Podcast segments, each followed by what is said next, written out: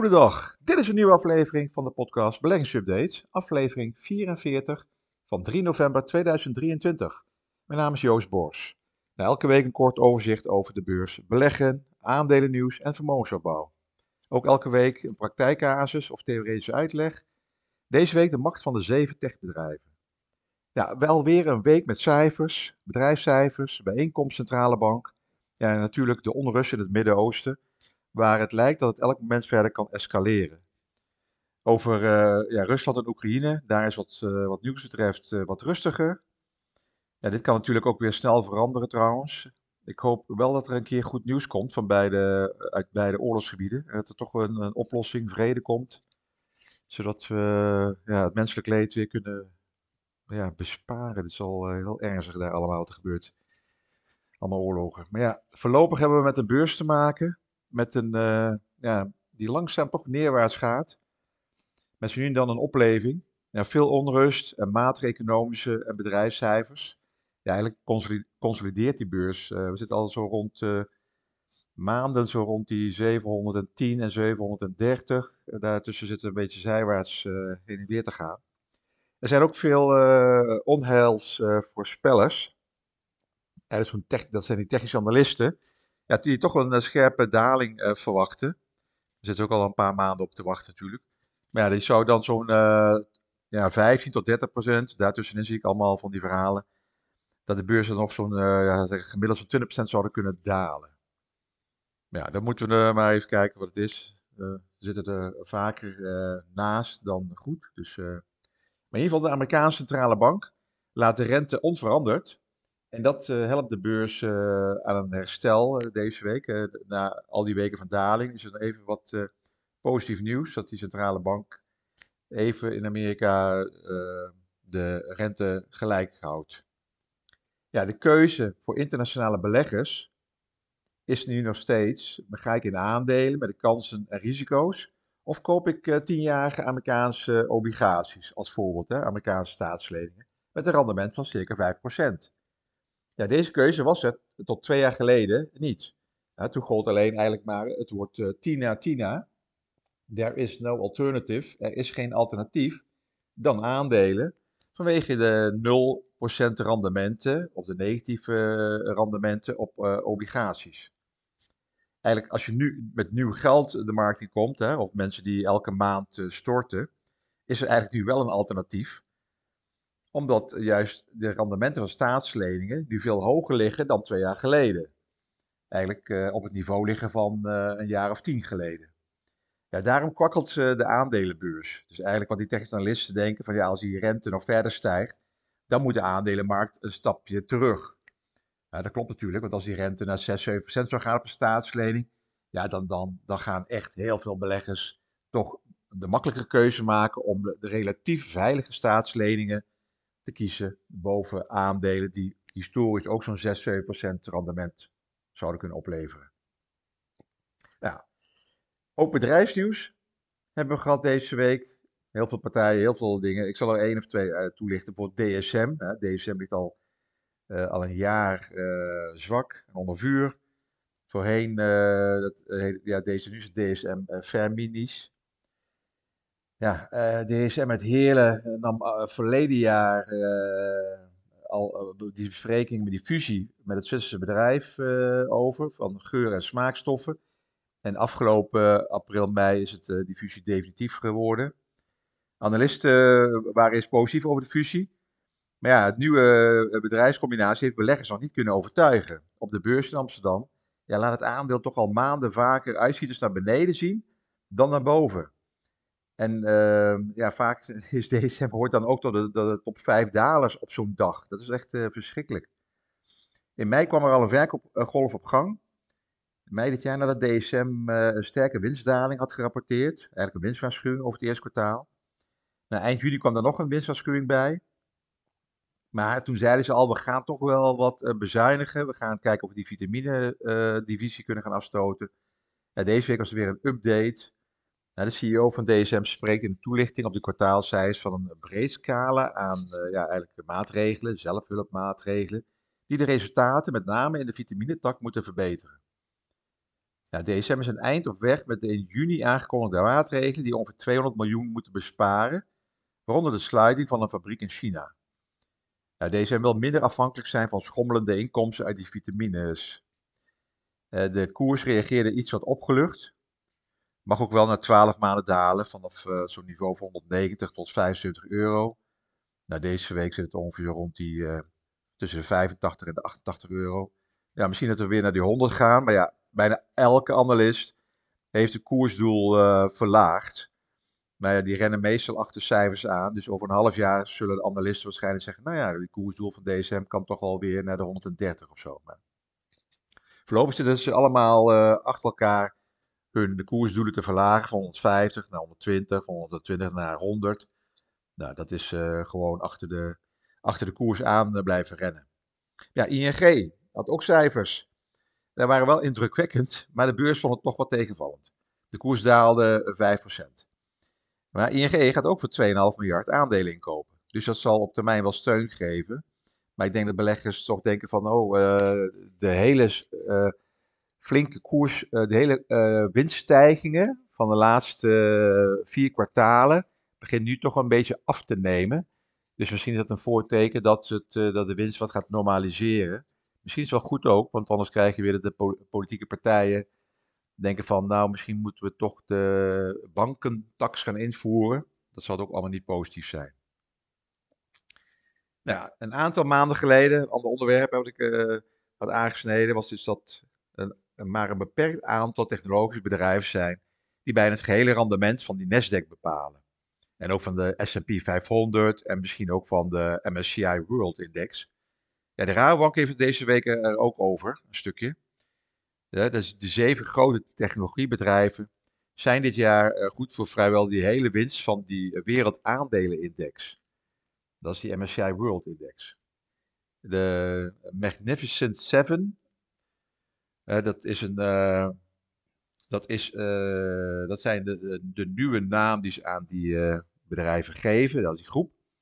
Ja, als je deze zou onderwegen, zoals veel actieve managers doen of gedaan hebben, omdat ze denken van, oh, die zijn er wel heel erg, re relatief heel erg duur. Dat kan dan veel rendement hebben gekost. Ja, dus die, die technologiebedrijven zijn wel relatief duur.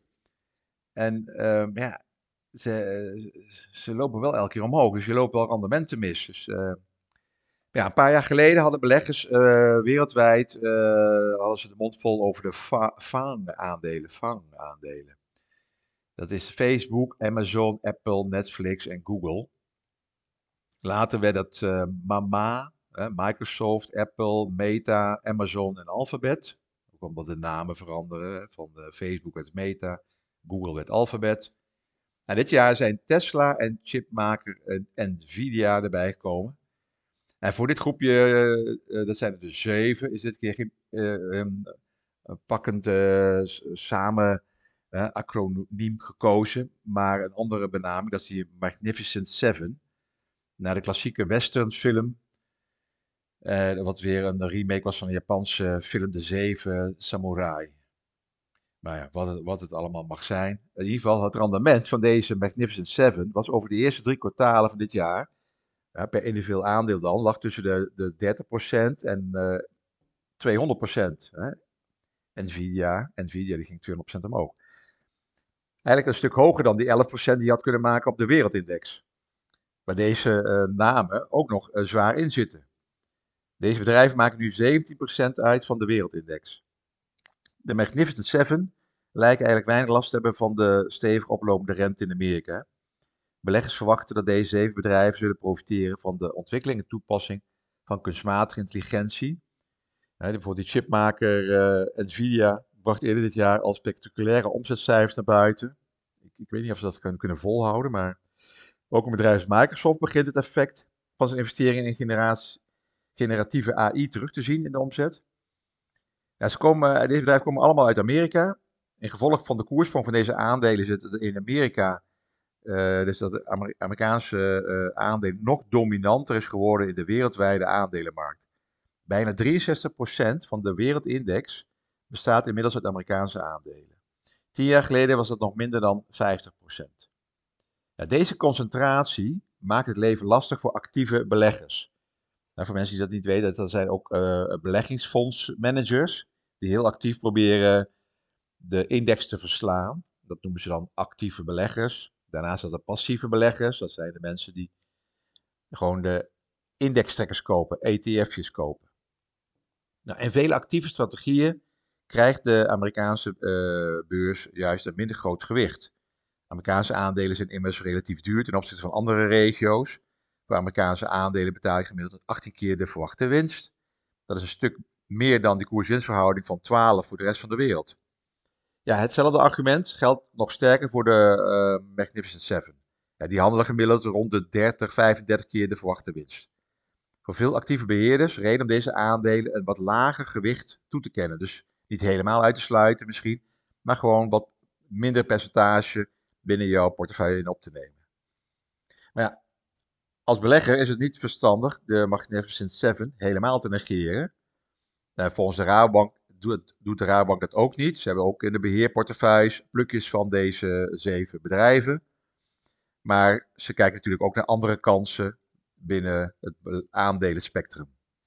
Ja, duidelijk is dat die hoog opgelopen koersen van die techreuzen ze wel gevoelig maken voor cijfers, voor bedrijfscijfers. Ja, die blijven eigenlijk wel een beetje achter bij de hoogspannen verwachtingen van beleggers. Ik vind het ook, weet je, sommige, uh, zo'n Nvidia loopt zo hard vooruit. Dat je denkt dat bedrijf, dat moet enorm, uh, enorme winsten blijven rapporteren om uh, beleggers tevreden te houden.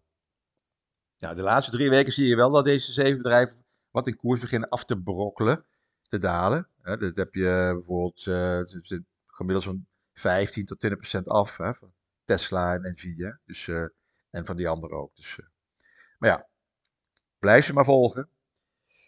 Ja, het beleggingssentiment. Ja, sinds november, dit is dan uh, van de ING-bank. Sinds november 2002 peilt ING het beleggersvertrouwen onder particuliere Nederlandse beleggers. Dat noemen ze met, dat doen ze met een beleggersbarometer of binnen de beleggersbarometer. En dit instrument is door ING ontwikkeld en bepaalt met negen vragen de index voor het beleggersvertrouwen. En de index loopt van 0 zeer pessimistisch, via 100, dat is neutraal, tot maximum van 200, dat is zeer optimistisch. Het onderzoek wordt uitgevoerd door onderzoeksbureau Blauw Research. Ja, dat ondervraagt maandelijks via representatieve steekproef ongeveer 400 Nederlandse particuliere beleggers. Elke maand worden er een andere groep beleggers gepolst om uh, te voorkomen dat je elke keer dezelfde mensen weer vraagt. Ja, het vertrouwen van beleggers is in oktober dit jaar verder gedaald en is onder het neutrale niveau van 100 gekomen met een stand van 91. Met een stand van 91 is beleggersvertrouwen eigenlijk, uh, ja, wat kun je zeggen, niet echt pessimistisch, maar een beetje lichtjes, lichtjes neutraal of uh, minder dan neutraal. Ja, hoe komt dat natuurlijk? De oorlog in het Midden-Oosten, uh, ja, het maakt beleggers niet echt tot serieuze dalingen geleid, maar het maakt beleggers wel onrustig. Dit heeft ook eh, geleid dat geopolitiek weer een belangrijkste invloedssfeer op de beurs wordt genoemd. Hè. De politieke omstand, geopolitiek is uh, belangrijk. Men kijkt even minder naar economische cijfers, meer naar geopolitiek. In september uh, vond 7% van de beleggers geopolitiek het belangrijkste. Afgelopen maand is het percentage opgelopen naar 30%. Nou, wat hebben die, uh, dat research van uh, Blauw Research nog uh, allemaal eruit gehaald uit, het uit die enquêtes? Spaarbuffer, ja, sparen versus beleggen. Iedere belegger vindt dat een beetje spaargeld ook nuttig is. Het bedrag dat beleggers aanhouden verschilt. Hè. 42% van de ondervraagden zegt meer dan 20.000 aan spaargeld te bestaan. 2% geeft aan helemaal geen spaarbuffer te hebben. Van het vrij besteedbaar vermogen belegt 6 op de 10 beleggers minder dan 20%. Oké. Okay. Driekwart van de beleggers vindt het deel dat zij beleggen uh, prima. 1 op de 5 beleggers zou het graag nog vergroten. Degenen die graag een groot percentage van het vrij besteedbaar vermogen willen beleggen, zijn het vooral van plan omdat ze verwachten meer rendement te kunnen halen met beleggen dan met sparen. Dat is 25%. De beleggers die minder willen beleggen, geven als reden het vaak dat ze negatief gestemd zijn over het huidige beursklimaat. Dat is ongeveer zo'n 60%. Ja. Beleggers leiden verlies, maar ze verkopen uh, toch wel iets meer. Dus ze blijven niet uh, zitten. Leed in maand september nog 22% van de beleggers verlies. In oktober is het percentage gestegen naar 31%. Bijna een derde van de ondervraagde beleggers heeft overigens geen idee hoeveel rendement ze behaald hebben de afgelopen maand. Uh, volgens mij kan je het gewoon toch allemaal op die sites zien.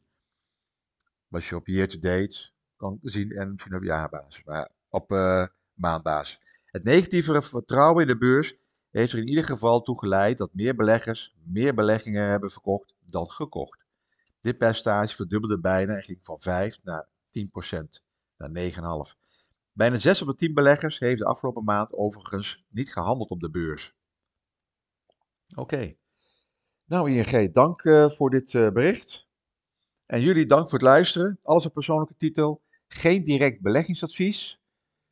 En ook niet bestemd als beleggingsadvies. En op basis van openbare, uh, verkrijgbare informatie. Tot de volgende week.